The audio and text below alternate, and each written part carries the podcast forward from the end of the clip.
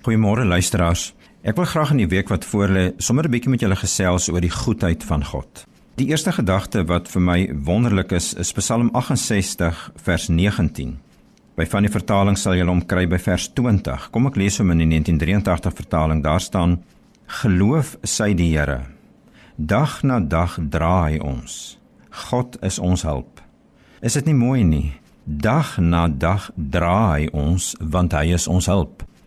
Nou die waarheid is mos dat hy in Christus na ons toe gekom het en homself aan ons verbind het. En dat meer as dat hy ons dra, sê die Nuwe Testament, is hy nou in ons en ek is in hom. So hy dra ons.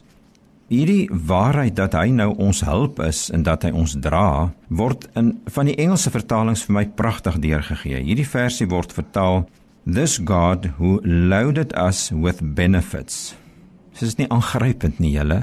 Hierdie God wat ons dag vir dag dra, wat ons hulp is, hy oorlaai ons met voordele. Nou wat is hierdie voordele?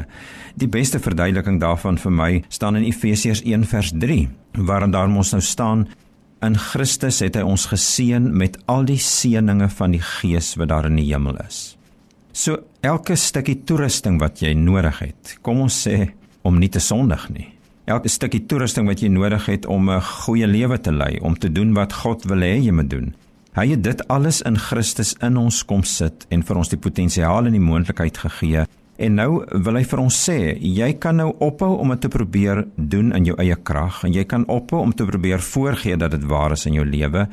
Ek het jou kom oorlaai, kom oorrompel met my teenwoordigheid en wat ek wil doen is ek wil die lewe van Christus deur jou laat manifesteer. En die lewe van Christus is niks anders as 'n lewe waarin daar al hoe minder ons moet eintlik vir mekaar gesê het geen sonde meer is nie. En die lewe van Christus is 'n lewe waarin hierdie goeie dade, dit wat hy in my en deur my 'n realiteit op hierdie aarde wil doen, hierdie seëninge in Christus, dit waarmee hy vir ons oorlaai, is alles wat hy 'n realiteit in ons lewe wil maak. So vat die fokus weg van jouself en jou onvermoë Vra vir die Here deur sy Gees om vir jou te help om jou fokus te sit op God en sy alvermoë. Hy wat in Christus nou in jou is en sê ek wil my lewe deur jou 'n realiteit maak. Ek wil jou dra, ek wil jou help. Ek wil jou lewe die moeite werd maak. Amen.